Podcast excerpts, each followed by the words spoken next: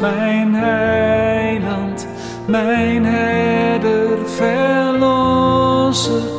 Ik zal nooit vergeten wat u deed voor mij. Vernederd, geslagen, bespot en veroordeeld,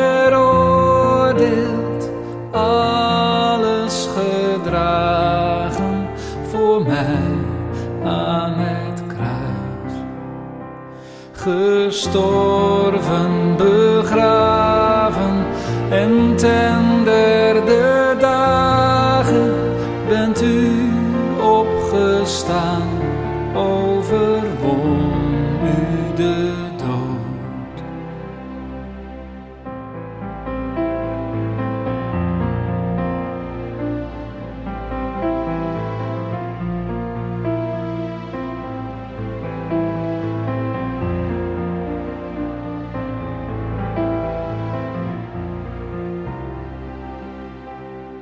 De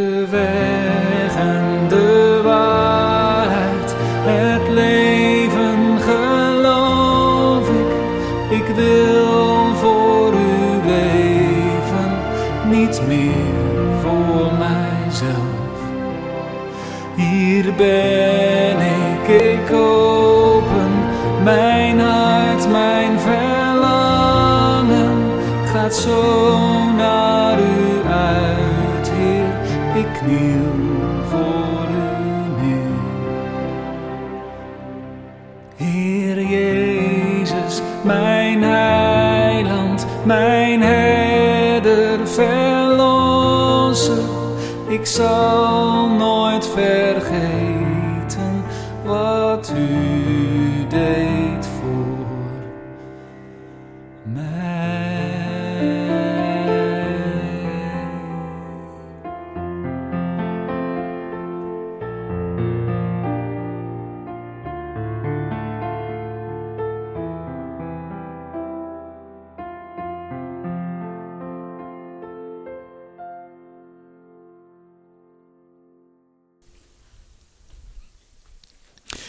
Ja, wat is dat mooi om te weten wat de Heer voor ons gedaan heeft. Dat Hij voor ons gestorven is en dat Hij weer is opgestaan. De vorige keer hebben we gezien hoe belangrijk het is om dat ook aan onze kinderen te vertellen. Om onze kinderen ook op te voeden in het woord van God. Niet door een kinderbijbel waarin de fantasie van de auteur vaak rijkelijk aanwezig is. Vaak zelfs zo, we hebben een voorbeeld bekeken, dat je kinderen ook nog hele onbijbelse dingen leert. eh, over de Heren. En de Heer Jezus die waarschuwde mensen dat zij kinderen niet bij hem, bij hem weg moesten ha- halen. Dus waarom niet gewoon de kinderen opvoeden aan de hand van het woord van God zelf? Van de Statenbijbel. Ook in de Bijbel hebben we gezien dat de wet voorgelezen werd aan mannen, aan vrouwen en kinderen. Ja, de Bijbel die, die, die, die zei daar zelfs bij aan kleine kinderen. We zagen dat Timotheus, Timotheus van kinds af aan de schriften leerde. We hebben bij twee voorbeelden stilgestaan, de levens van Mozes en Samuel. En gezien hoe in, eh, in de levens van deze beiden eh, ja, eigenlijk Gods woord in vervulling ging, dat in Spreuken 22 vers 6 zegt, leer de jongen de eerste beginselen naar de ijszijns weg. Als hij ook oud zal geworden zijn, zal hij daarvan niet afwijken. Doordat ze al jong de waarheid kenden, konden ze stand houden te midden van, nou bij de ene een wereld van afgoderij en wetenschap, en bij de andere een wereld van afval van geloof. De keren daarvoor hebben we gezien hoe de godheid van de Heer Jezus wordt aangetast. Men ontkent zijn godheid gewoon, hè, ondanks dat de Bijbel daar duidelijk ja, anders over zegt. We hebben gezien dat men daardoor onder andere de drie-eenheid ja, niet, niet, niet wil zien. En het leidt ertoe dat men roept dat we de Bijbel moeten aanpassen. Wat in diverse nieuwe vertalingen vanaf 1880 na Christus natuurlijk al lang gaande is. Zo hebben we gezien dat men vaak beweert dat 1 Johannes 5 vers 7 niet in de Bijbel thuis hoort. Terwijl er genoeg bewijs is dat dat vers gewoon bij, bij Gods woord hoort. Nou, ook op andere manieren wordt er twijfel en verwarring gezaaid over wie de Heer Jezus nu is. En vandaag staan we stil bij het feit dat de Heer Jezus voor onze zonde gestorven is, maar ook weer is opgestaan. Eigenlijk de kern van het evangelie. De kern van het evangelie waardoor we eeuwig leven hebben. En dat wordt zo mooi beschreven en dat gedeelte gaan we samen lezen in 1 Korinthe 15. 1 Korinthe 15, de eerste acht versen.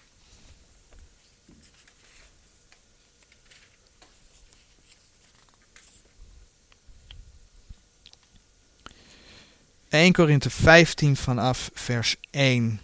Voorts, broeders, ik maak u bekend het evangelie dat ik u verkondigd heb. Het welk gij ook aangenomen hebt, in het welk gij ook staat.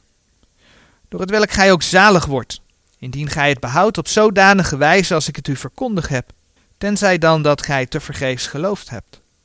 Want ik heb u lieden ten eerste overgegeven, hetgeen ik ook ontvangen heb, dat Christus gestorven is voor onze zonden, naar de schriften. En dat hij is begraven, en dat hij is opgewekt ten derde dagen, naar de schriften. En dat hij is van Kefas gezien, daarna van de twaalfen. Daarna is hij gezien van meer dan vijfhonderd broederen op eenmaal, van welke het merendeel nog over is. En sommigen ook zijn ontslapen. Daarna is hij gezien van Jacobus, daarna van al de apostelen, en ten laatste van allen is hij ook van mij als van een ontijdig geboorene gezien. In dit gedeelte lezen we dat we door het evangelie, hè, zoals dat door Paulus verkondigd werd, in Handelingen 20 vers 24 zien we dan staan dat het ook wel het evangelie der genade gods genoemd wordt, dat we daardoor behouden worden. Nee, hebben we net in vers 2 gelezen. Maar wat is dan de inhoud van dat evangelie? Dat is dat Christus gestorven is voor onze zonde. Dat Christus gestorven is voor onze zonde naar de schriften. En dat hij is begraven en dat hij is opgewekt ten derde dagen naar de schriften. Vers 3 en 4. Op grond daarvan, geloof in het volbrachte werk van de Heer Jezus, krijgen wij het eeuwige leven. En het is alles naar de schriften. Precies zoals de profeten voorzegd hadden. Gods woord gaat in vervulling. Gods woord is de waarheid. En van dat alles zijn er vele ooggetuigen geweest. Dat is wat we gelezen hebben. Maar juist op deze boodschap vinden natuurlijk aanvallen van de boze plaats. want mensen mogen alles geloven als ze maar niet achter de waarheid komen in Jezus Christus. En wat zien we dan gebeuren? Vaak zien we dat de Heer Jezus als een soort opstandeling afgeschilderd wordt. Een soort rebel. Een rebel die in opstand was tegen de elite. Tegen de heersers van zijn tijd en natuurlijk met name ook tegen de geestelijkheid van zijn tijd. Zo werd in 1970, alweer een tijdje terug, een rockopera gemaakt met de titel Jesus Christ Superstar. In 1973 werd die rockopera verfilmd. En ook in deze dagen wordt deze musical nog regelmatig opgevoerd. En door het verhaal door de ogen van Judas te laten vertellen, ontstaan er allerlei teksten die logenen wat Jezus Christus voor ons gedaan heeft. Het hele stuk is in feite een belachelijk maken van wie hij was en waar hij voor kwam. Zo laat men in de Nederlandstalige musical Herodes het volgende zeggen, en ik citeer uit een liedje van die Nederlandstalige musical. Wees eens een God, Jezus. Jij wil mijn Messias zijn, tover water om in wijn. Kom op, Christus, kom op. Jezus, jouw gegogel is een hit. Maar o wee als je ons bedriegt. Doe je trucje voor mij, dan laat ik je vrij. Bewijs me dat je meer bent dan een excentrieke freak. Ik sta hier niet voor de lol. Jezus, dit wordt me te dol. Rot op, jij charlatan. Nou, dat is de tekst uit die rock ja, opera, de musical die er dan van gemaakt is. Die Herodes dan zegt. Zinnen daaruit. En misschien dat er dan mensen zijn die zeggen: ja, maar grote delen zijn door de ogen van Judas, of zoals hier dan Herodes, geschreven. Maar zie dan wat men Jezus zelf laat zeggen. En ik citeer weer uit die musical, uit de Nederlandstalige versie daarvan. En dan laten ze Jezus het volgende zeggen. Ooit had ik de kracht, maar die faalt vannacht. Ik heb braaf jouw blijde boodschap uitgedragen. Welke vader vraagt zoveel van zijn zoon? Moet ik nu dood? Welk tragisch einde aan een epos echt zo goed? Zeg me alleen waarom. Geef één goede reden voor mijn lijden en dood. Ik heb geen vertrouwen in jouw martelaarsmodel. Geef die beker, doe het nu. Later zeg ik nee. Tot zover het citaat uit die musical. Die hele musical draagt eraan bij dat mensen een verkeerd beeld krijgen van wat de Heer Jezus ja, heeft gedaan. Ik bedoel, hoezo faalde hij? De Bijbel zegt dat de Heer Jezus uitriep, Johannes 19, vers 30, het is volbracht. Hij riep uit, het is volbracht, omdat hij precies deed wat de bedoeling was. De Heer Jezus die kondigde diverse keren zijn lijden aan. Zijn lijden en zijn opstanding aan. Maar niemand begreep het toen. Maar kijk hoe hij dat bijvoorbeeld deed in Lucas 18. Lucas 18, vers uh, eh, 31.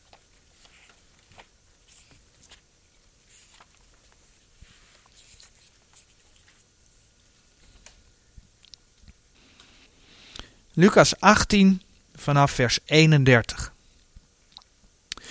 En hij nam de twaalfen bij zich en zeide tot hen: Zie, wij gaan op naar Jeruzalem en het zal alles volbracht worden. Daar heb je het. Het zal alles volbracht worden aan de zoon des mensen, wat geschreven is door de profeten. Want hij zal de heidenen overgeleverd worden, en hij zal bespot worden, en smadelijk behandeld worden, en bespogen worden. En hem gegezeld hebbende zullen zij hem doden, en ten derde dagen zal hij weder opstaan. En zij verstonden geen van deze dingen, en dit woord was voor hen verborgen, en zij verstonden niet hetgeen gezegd werd. De Heer Jezus kondigde het aan, maar op dat moment begrepen zij het nog niet. Maar de Heer Jezus wist precies wat er ging gebeuren. Hij heeft het volbracht, wat de profeten gezegd hebben. En hoezo had de Heer Jezus geen vertrouwen in de Vader? In Johannes 8, vers 29, en de tekst staat hier op de dia, daar staat: En die mij gezonden heeft, is met mij. De Vader heeft mij niet alleen gelaten, want ik doe altijd wat hem behagelijk is. De Heer Jezus geeft aan dat hij altijd de Vaders wil doet. Dus hij zou later ook geen nee zeggen. Maar terugkomend op dat vertrouwen. Hoe mooi zien we dat Petrus in Gethsemane zijn zwaard pakt. Maar dat de Heer Jezus hem dan stopt. En dan lezen we in Matthäus 26 wat de Heer Jezus dan zegt. Matthäus 26, vers 53. In vers 52 zegt de Heer Jezus: Doe je zwaard weg. En dan in vers 53. Of meent gij dat ik mijn vader nu niet kan bidden? En hij zal mij meer dan twaalf legioen engelen bijzetten. Twaalf legioen engelen, hè? Ik heb het opgezocht. Eén legioen staat voor 3000 tot 6000 ja, in het leger soldaten. In het Romeinse leger.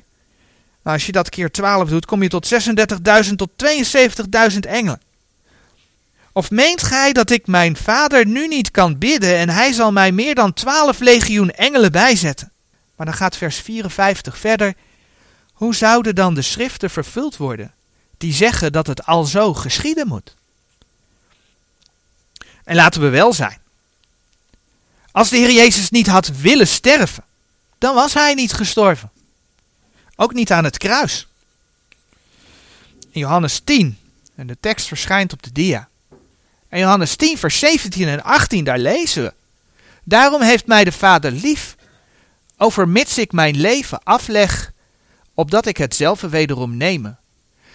Niemand neemt hetzelfde van mij, maar ik leg het van mijzelf af. Dus de Heer Jezus zegt, niemand neemt het leven van mij af. Ik leg het af, ik leg het zelf af. Ik heb macht hetzelfde af te leggen en heb macht hetzelfde wederom te nemen. Dit gebod heb ik van mijn vader ontvangen. De Heer Jezus die vroeg niet waarom hij op aarde was en waarom hij lijden moest. De Heer Jezus wist het. Reeds voor zijn lijden zei hij, en dan bladeren we terug naar Matthäus 20. Zei hij in Matthäus 20, vers 28.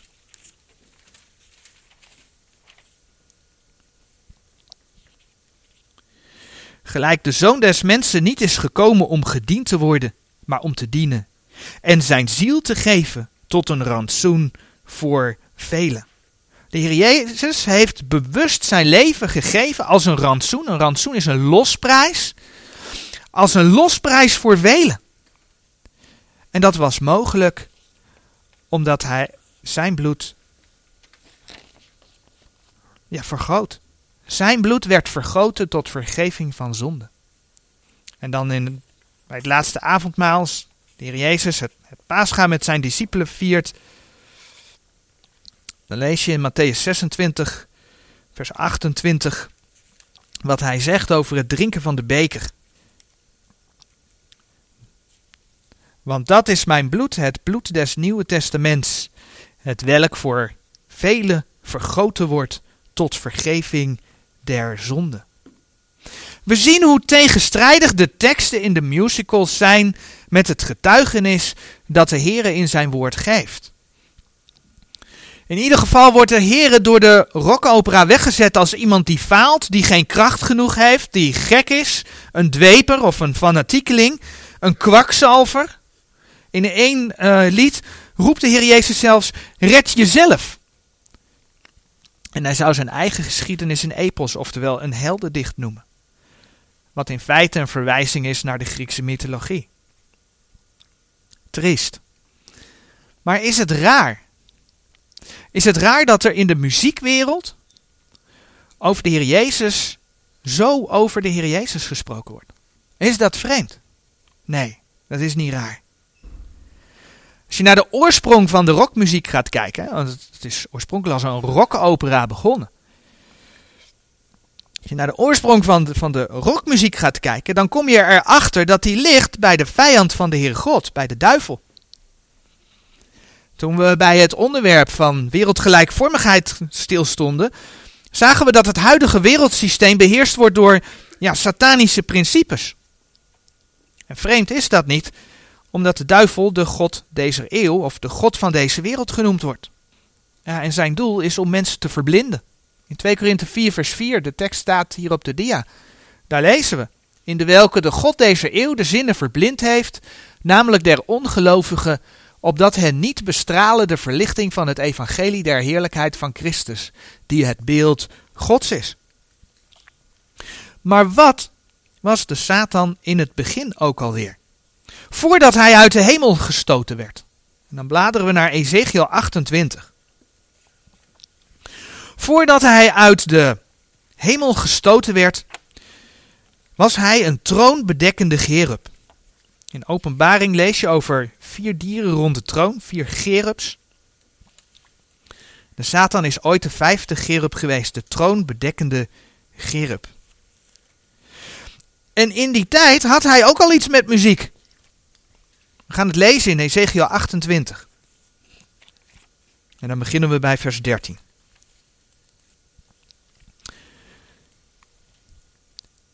Gij waart in Ede, Gods hof. Alle kostelijk gesteente was uw deksel. Sardisstenen, topazen en diamanten, turkooizen, sardonikstenen en jasperstenen, saffieren, robijnen en smaragden en goud. Het werk uw trommels en uw pijpen was bij u. Ten dagen als gij geschapen werd, waren zij bereid. Gij waart een gezalfde, overdekkende gerub, en ik had u al zo gezet. Gij waart op Gods heilige berg. Gij wandeldet in het midden der vurige stenen. Het gedeelte gaat in eerste instantie over de koning van Tyrus. Maar achter die koning van Tyrus zit een geestelijke macht. En dat is die gevallen Gerub, dat is de Satan. Over zijn val op aarde, daar lees je in vers 16 en 17. En zo adresseert de Heer door de koning van Tyrus heen de duivel. De koning van Tyrus, die was namelijk niet in de hof van Eden. De vijand van God, de duivel, wel. Maar die duivel die was als een gezalfde, overdekkende gerub niet alleen schitterend om te zien, wat we net gelezen hebben. Maar hij had ook het werk uw trommels en uw pijpen bij zich. In de hemel had, had hij al een speciale rol in de muziek. En juist deze gerub is gevallen. En vandaar dat juist ook de muziekwereld een instrument in zijn handen is om mensen bij de Heere God weg te halen. In de studie over de wereldgelijkvormigheid noemde ik al even het teken van de gehorende God. En ik heb hier weer even drie van die plaatjes erbij gezet.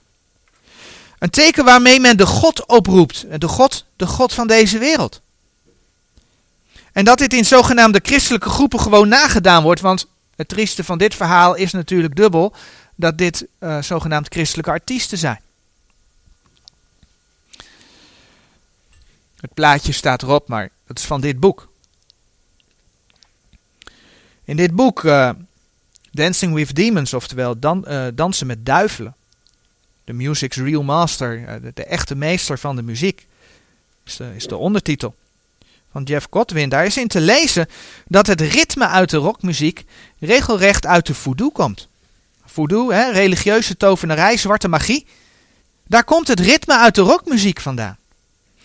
En Jeff Godwin die citeert een rockster, Little Richard, die zich in ieder geval voor een korte tijd bekeerd heeft. Of het dan een werkelijke bekering is geweest, dat zullen we dan maar in het midden laten. Maar deze rockster die heeft het volgende gezegd, en ik citeer. Veel van de ritmes, de beats in de muziek van vandaag komen uit de voodoo, van de voodoo drums.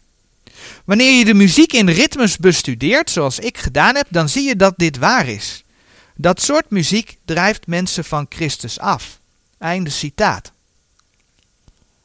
Zo schrijft eh, de auteur van dit boek nog het volgende, en ik citeer weer een stukje.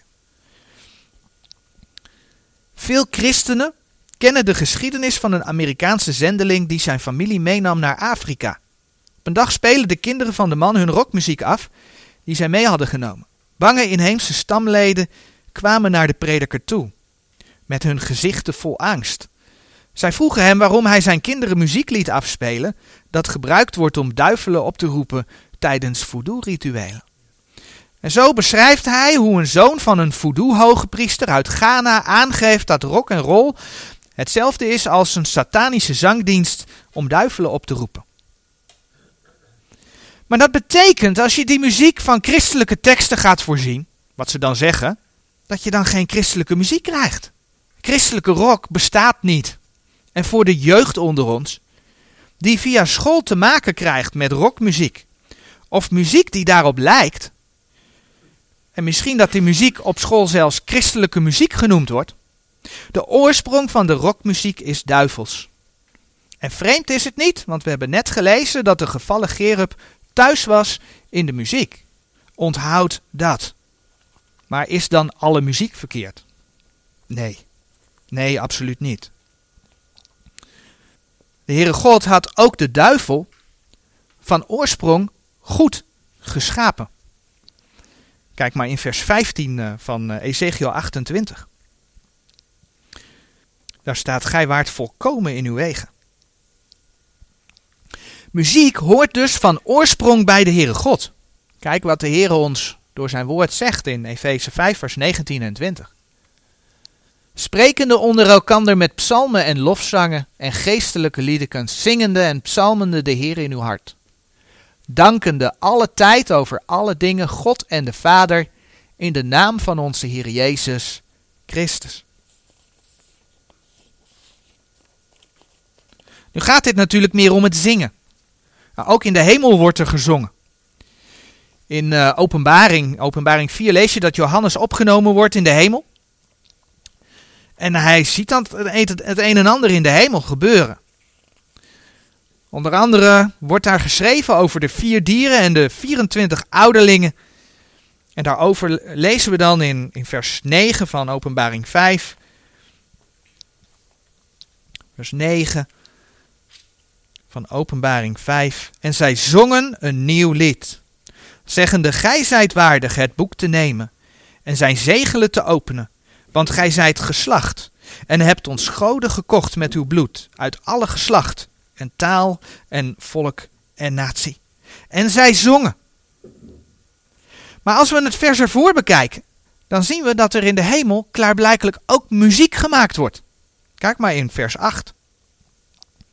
En als het het boek genomen had, vielen de vier dieren en de 24 ouderlingen voor het lam neder, hebbende elk cieters. En gouden violen zijn de vol reukwerk, welke zijn de gebeden der heiligen. Ze hebben cieters.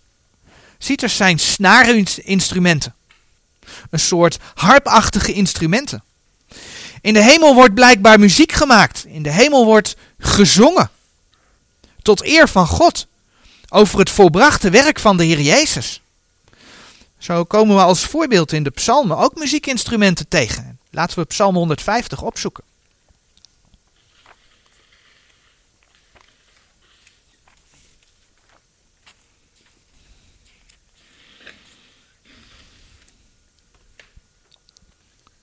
Psalm 150.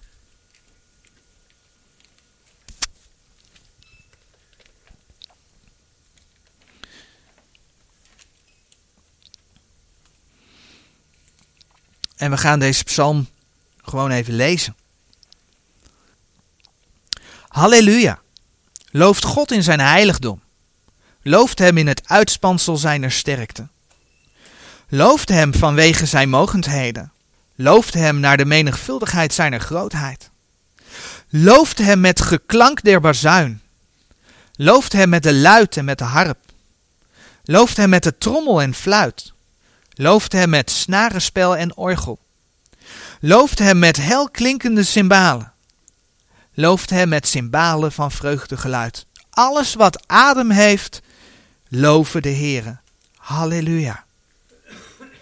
En zo zien we hoe de Heere groot gemaakt wordt. Met allerlei instrumenten. Je hoort nog wel eens mensen zeggen dat in de samenkomst geen muziek gebruikt, uh, dat ze dat niet willen. Nou mag dat een vrije keus zijn. Maar het is niet gefundeerd op Gods woord. Ook is muziek niet voorbehouden aan een orgel. De Heere mag met allerlei instrumenten en met zang, hè, want alles wat adem heeft, loven de Heere, groot gemaakt worden. En dat is wel, als we dan ook kijken naar Efeze 5, vers 19 en 20, zolang het maar psalmen, geestelijke liederen en lofzangen zijn. We weten namelijk wie de God van deze wereld is. En welke talenten, om het maar even zo te zeggen, hij in zijn val heeft meegenomen. De eigen tijdse christelijke muziek, die vaak gebaseerd is op zogenaamde christelijke rock, dat is, ja, als je al over vermenging kunt spreken, maar een vermenging met de, de wereld en zijn God. Die hoort niet thuis in de samenkomst. Overigens ook niet in het leven van de gelovigen. Rockmuziek is namelijk ook rebellie. Een in opstand zijn tegen God en gebod. Zo zingt uh, een, uh, ik geloof alweer wat oudere rockband, Kiss, genaamd. Uh, en dit plaatje wat op de dia staat, is van een van die bandleden. Die zingt bijvoorbeeld, en ik citeer een klein stukje uit een van hun songteksten. Luisteren naar de leraar, bazen en de predikers heeft nog nooit iemand goed gedaan. Nou, juist de vorige Bijbelstudie hebben we onder andere stilgestaan bij Spreuken 22, vers 6. Dat zegt: Leer de jongen de eerste beginselen naar de eis zijns wegs. Als hij ook oud zal geworden zijn, zal hij daarvan niet afwijken. Rockmuziek leert dus het tegengestelde van hetgeen de Heer in zijn woord zegt. En ik denk dat een ieder die er wel eens wat van meegekregen heeft, zie ook dit plaatje, hè? ik bedoel dat zegt genoeg, weet dat de rockwereld een wereld van rebellie is. Openlijke rebellie. Maar wat zegt Gods woord daar, daarover? De duivel zelf was in opstand tegen God. Hij wilde zich verheffen boven God. En dat is de reden dat hij uit de hemel geworpen is. We gaan naar, naar Jezaja toe, waar we over zijn val ook lezen. En dan zoeken we Jezaja 14 op.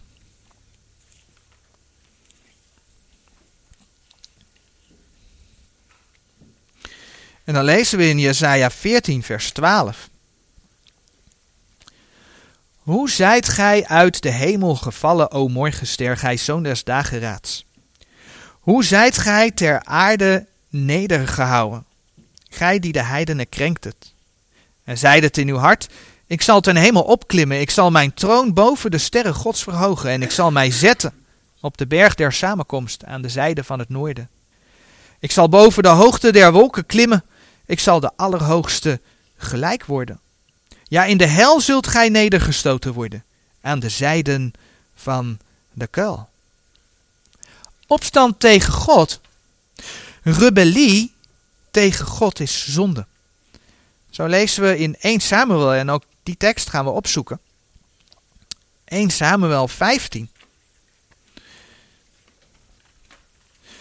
1 Samuel 15, vers 23 dat Samuel iets tegen Saul zegt. En wat hij zegt, dat gaan we lezen. In 1 Samuel 15, vers 23. En daar staat geschreven, want wederspannigheid. 1 Samuel 15, vers 23.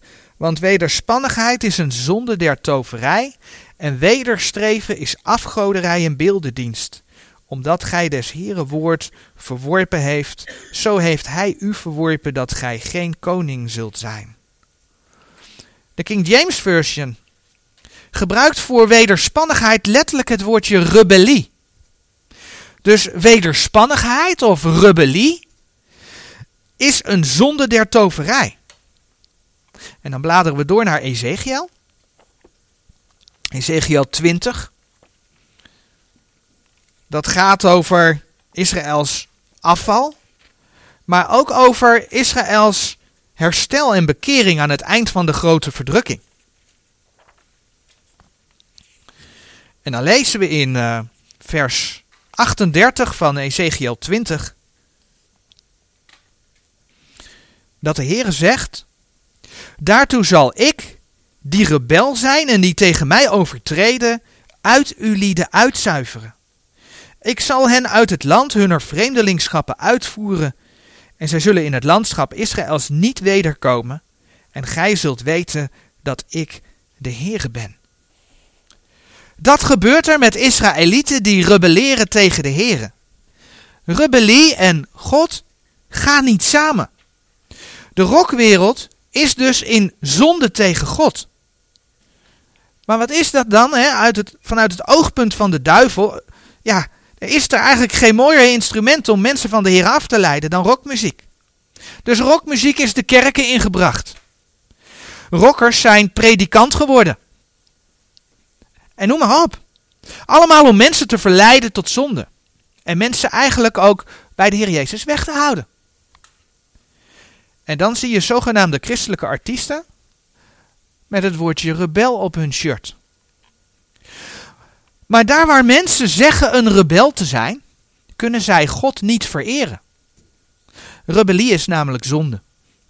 En zoals ik al eerder noemde, zien we dat de Heer Jezus ook de rol van rebel toebedeeld krijgt. Zo kwam ik een artikel tegen van mensen die een nieuwe merkkleding op de markt hebben gebracht. Fair Rebel. Met als reden om makkelijker te kunnen getuigen. En wat zeggen deze mensen? Ik citeer een stukje uit het uh, artikel. Jezus was ook een soort rebel. Hij stond op tegen de gevestigde orde. Het was best wel rebels wat hij in die tijd deed. Daarna is Jezus letterlijk een opstandeling. Daarnaast is Jezus letterlijk een opstandeling. Jezus was een rebel with a cause. Hij koos altijd voor de weg van de liefde en stond voor de gerechtigheid. Als volgeling van Jezus willen wij voor diezelfde cause strijden. We willen eerlijke rebellen zijn. Vandaar fair rebel. Tot zover het citaat. Is het verwonderlijk dat mensen tot dit soort conclusies komen? al jaren is het gewoon dat mensen rockmuziek de kerk inhalen. Ook de EO heeft de afgelopen jaren reclame gemaakt, min of meer, voor die musical Jesus Christ Superstar. Het Nederlands Bijbelgenootschap zegt in hun uitgave, de NBV Studiebijbel, het volgende. En ik citeer. De intense zoektocht van de laatste twee eeuwen heeft ons niet achter deze visies van de evangelisten bij de zogenaamde echte historische Jezus gebracht. Wie was hij toch? Een charismatische Joodse wonderdoener, een rondtrekkende uitdagende filosoof, de laatste profeet, een rebel, een sociale hervormer, een wijze, een marginale Jood. De beelden hebben zich vermenigvuldigd.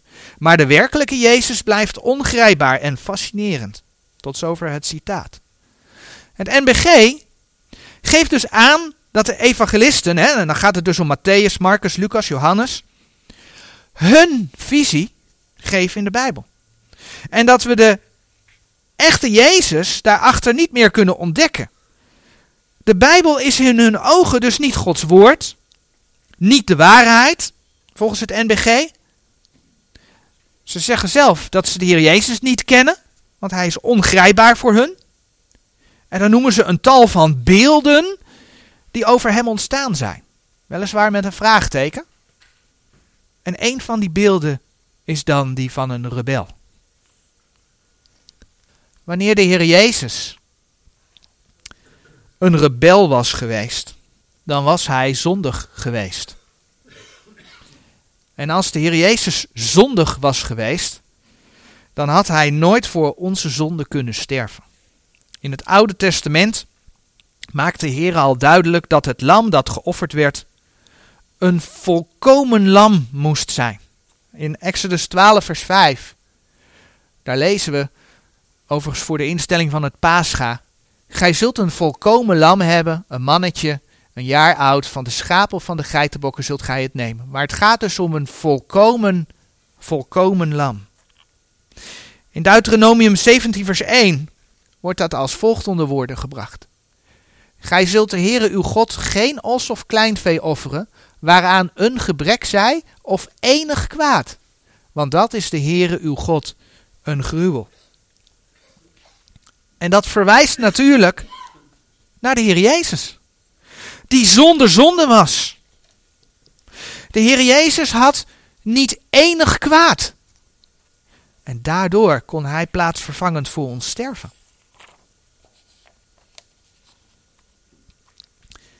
In 1 Petrus 2, vers 21 en 24 lezen we daar het volgende over.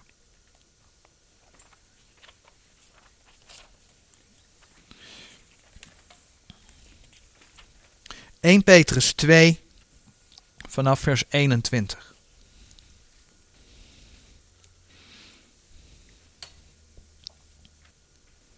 Want hiertoe zijt gij geroepen, terwijl ook Christus voor ons geleden heeft, ons een voorbeeld nalatende, opdat gij zijn voetstappen zoudt navolgen. Die geen zonde gedaan heeft, en er is geen bedrog in zijn mond gevonden. Die als hij gescholden werd niet wederschold, en als hij leed niet dreigde, maar gaf het over aan dien die rechtvaardiglijk oordeelt. Die zelf onze zonde in zijn lichaam gedragen heeft op het hout, opdat wij, de zonde afgestorven zijnde, der gerechtigheid leven zouden, door wiens striemen gij genezen zijt. Doordat hij zelf zonder zonde was, kon hij onze zonde op zich nemen. Kon hij onze zonde wegdragen. En daardoor is de weg naar de Vader open. Kunnen wij bij de Vader komen. Als de Heer Jezus een rebel was, zoals diverse mensen tegenwoordig beweren, dan was dat alles, had dat alles niet plaats kunnen vinden. Maar dat is wat we vanmorgen al eerder gezien hebben. In Matthäus 26, vers, uh, vers 28. Hij gaf zijn bloed tot vergeving der zonden. In Matthäus 20, vers 28, hij heeft zijn ziel gegeven tot een rantsoen voor velen. En daarmee deed hij, Johannes 8, vers 29, wat de Vader behagelijk is. Maar, maar de Heer Jezus was toch in opstand tegen bijvoorbeeld de Joodse leiders? Weet je wat dat is? Dat is de omgekeerde wereld. De Joodse leiders, als onderdeel van het wereldsysteem, waren namelijk in opstand tegen God. En dat kwam de Heer Jezus aantonen. En hij kwam ze redding bieden van die zonde. De Heer Jezus die zei tegen de fariseeën en schriftgeleerden in, in, in bijvoorbeeld Marcus 7. Marcus 7 vers 6.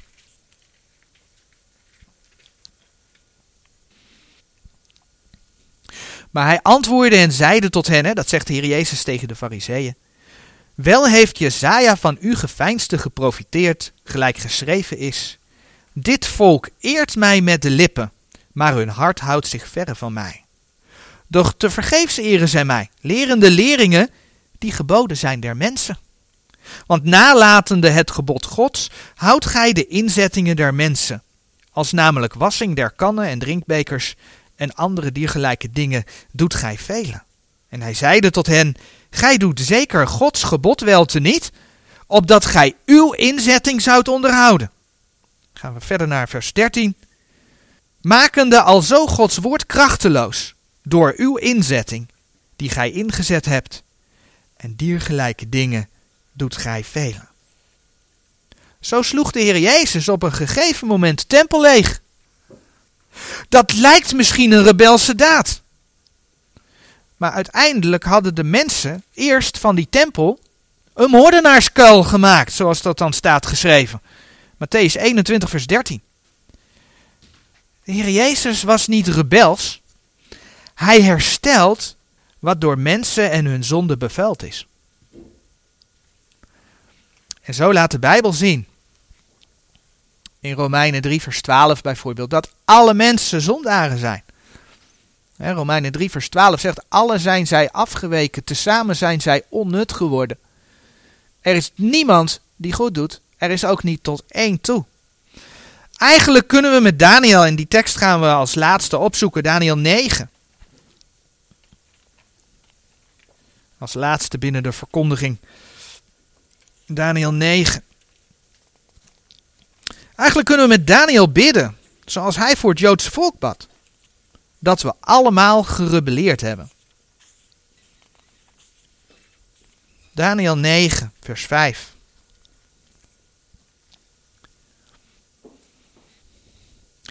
En er staat dan: Wij hebben gezondigd en hebben onrecht gedaan en goddelooselijk gehandeld en gerebelleerd, met af te wijken van uw geboden en van uw rechten. En dan zegt vers 8: O Heere, bij ons is de beschaamdheid der aangezichten. Bij onze koningen, bij onze vorsten en bij onze vaderen, omdat wij tegen u gezondigd hebben. Bij de Heere onze God zijn de barmhartigheden en vergevingen, alhoewel wij tegen hem gerebelleerd hebben. Ons mensen komt niet toe om de Heer Jezus een rebel te noemen. Mensen past wat dat betreft, wat we net gelezen hebben, beschaamdheid. De Heer Jezus was namelijk geen rebel, maar mensen daarentegen zijn wel rebellen. Zij zijn van nature in opstand tegen God en daarom kwam de Heer Jezus. Hij die zonder zonde was, om voor ons rebellen, voor onze zonde te sterven en de weg tot de Vader vrij te maken. En daarvoor heeft Hij zijn lichaam gegeven. En daarvoor heeft Hij zijn bloed gestort. Hij heeft ook ons onze rebellie vergeven. En dat is geweldig dat we dat mogen weten. En dat willen wij vandaag gedenken, ook middels het avondmaal. Hè, brood en uh, de drinkbeker, brood en wijn.